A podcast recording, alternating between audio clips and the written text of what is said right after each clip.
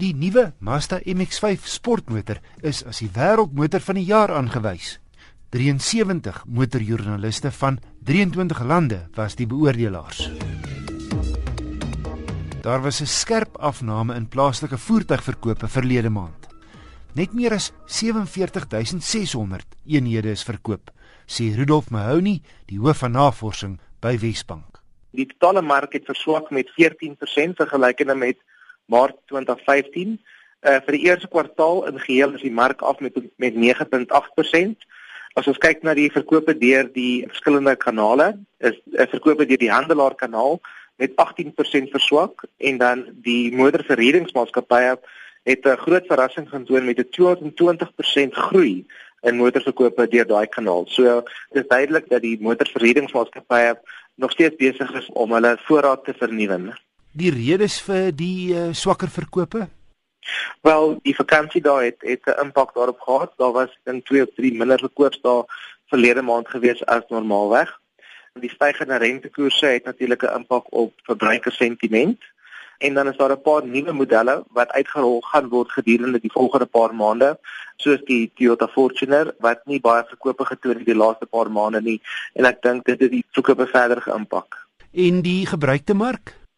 Die gebruikte mark is besig om om beter te vertoon. As ons kyk na die aansoeke vir finansiering wat ons ontvang, het aansoeke vir nuwe voertuie met 20% verswak verlede maand vergelykende met Maart verlede jaar en dan het aansoeke op vir gebruikte voertuie met slegs 3% gedaal. So daar's 'n duidelike skuif van die nuwe na die gebruikte mark toe. So Rudolf, uh, is dit maar 'n kwessie van verbruikers wat uh, afskaal en dan maar 'n meer bekostigbare voertuig koop. Ek weet nie of dit so erg afskaal is nie met die verswak vertoning van die rand oor die afgelope paar jaar uh, het die vervaardigers is hulle geforseer geweest om nuwe voertuie se pryse uh, baie aggressief aan te pas en ons verwag prysverhogings van meer as 10% uh, gedurende die volgende uh, 12 maande. Dis dink ek is dit die natuurlike rede hoekom mense beweeg van die nuwe na die gebruikte mark toe. Net vir beter waarde vir geld. Rudolf en jou vooruitsigte vir die res van die jaar?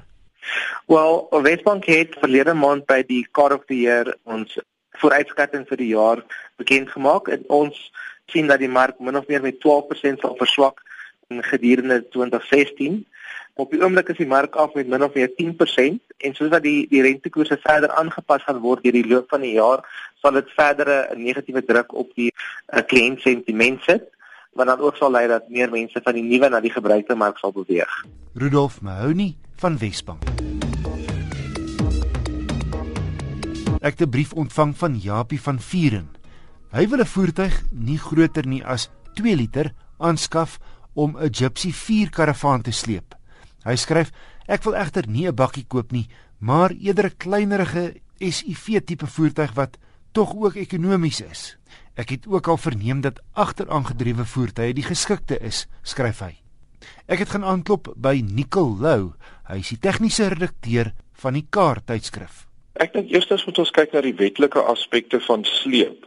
En dit wil nou sê jy kyk na die gewig van jou sleepwa of dan karavaan.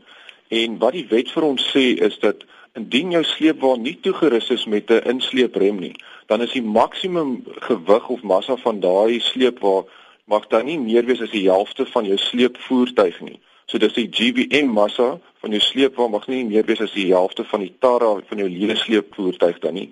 En dan as jy jou sleepwa toegerus is met 'n insleeprem, daaronder val karavane dan nou ook dan mag die maksimum massa van jou karavaan nie meer wees as jou leë sleepvoertuig nie. So eenvoudig gestel, jou karavaan volgelaai mag nooit swaarder wees as jou leë sleepvoertuig nie. Dis die wetlike aspek van sleep. En dan as ons kyk teoreties na die stabiliteit van so 'n kombinasie, dan is dit wel so dat hoe swaarder jou sleepvoertuig is en hoe langer die asafstand van jou sleepvoertuig is, hoe meer stabiel behoort so 'n sleepkombinasie te wees. En dit is ook nou indien die karavaan en die sleepvoertuig korrek gelaai is. En dan derdens dink ek moet ons kyk na jou enjin verrigting en wrinkrag natuurlik is baie belangrik tydens sleep. Nou ek weet Jaap het gesê hy praat van 'n 2 liter en moet onder 2 liter wees, maar ek moet sê die nuwe turbo petrol en turbo diesel enjins is ongelooflik en kapasiteit is nie meer so belangrik soos wanneer jy nou lug van atmosferiese kondisies insuig nie. So jou klein turbo diesel engines lewer al baie goeie wringkrag teen lae revolusies. Ek kan miskien 'n voorbeeld noem. Ek het al twee langtermyn voertuie gehad. Een was 'n Renault Duster, 'n 1.5 diesel en ek het met hom 'n Jurgens Expo gesleep waarvan die GWN 1.2 ton was. En hy het 80 kW en 240 Nm en hy het eintlik baie goed gevaar. Op die oomblik ry ek 'n Nissan 1.6 X-Trail DCi turbo diesel 4x4 en ek het hierdie vakansie het ek 'n Jurgens Fleetline gesleep wat 1.3 ton GBM uh, weeg en die voertuig het um, 96 kW en 320 Nm en ek was baie beïndruk as mens dink dat hier is maar 'n 1.5 by die Duster en 1.6 uh, liter turbo diesel by die Nissan hoe goed hulle eintlik gedoen het. Ehm um, selfs met brandstofverbruik albei van hulle gekry omtrent hier by die 10 km per liter met die karavaan aan. So dis eintlik uitstekend. Ek dink uh, wat ook net moet onthou met die hierdie tipe enjintjies, mens moet nou nie die gevaar loop om die enjin revolusies te laag te laat afkom omdat hy so baie wringkrag het nie, want dan sit jy baie torsionele stres op jou krukas en komponente. So as jy nou op 'n gelykpad sleep en jy wil nou in 60 gesleep het, sleep maar eerder in 5ste net om daai, soos hulle sê Engels lugging te voorkom. So my keuse sal wees as ek kyk na ekonomie en wringkrag, 'n klein turbo diesel is is uitstekend vir dit. 4x4 is nie regtig belangrik vir vir sleep nie, maar ek moet sê ek het al een keer in 'n karavaanpark teen 'n nat graswal probeer uitry en daar het 4x4 my nogals baie gehelp. En ek moet sê daar's so baie nutsvoertuie van hierdie SUV's op die oomblik op die mark. Ek het nou twee voorbeelde genoem, maar ek dink Japie moet net gaan kyk na sy prysklas waarna hy wil kyk, sy begroting en daar sal 'n horde wees van verskillende fabrikate wat hy uit kan kies. So ek is seker van hy sal regkom. Nicolou, die tegniese redakteur van die tydskrif Car. Gooi gerus enige motornavraag my kant toe. E-pos na wissel@rsg.co.za.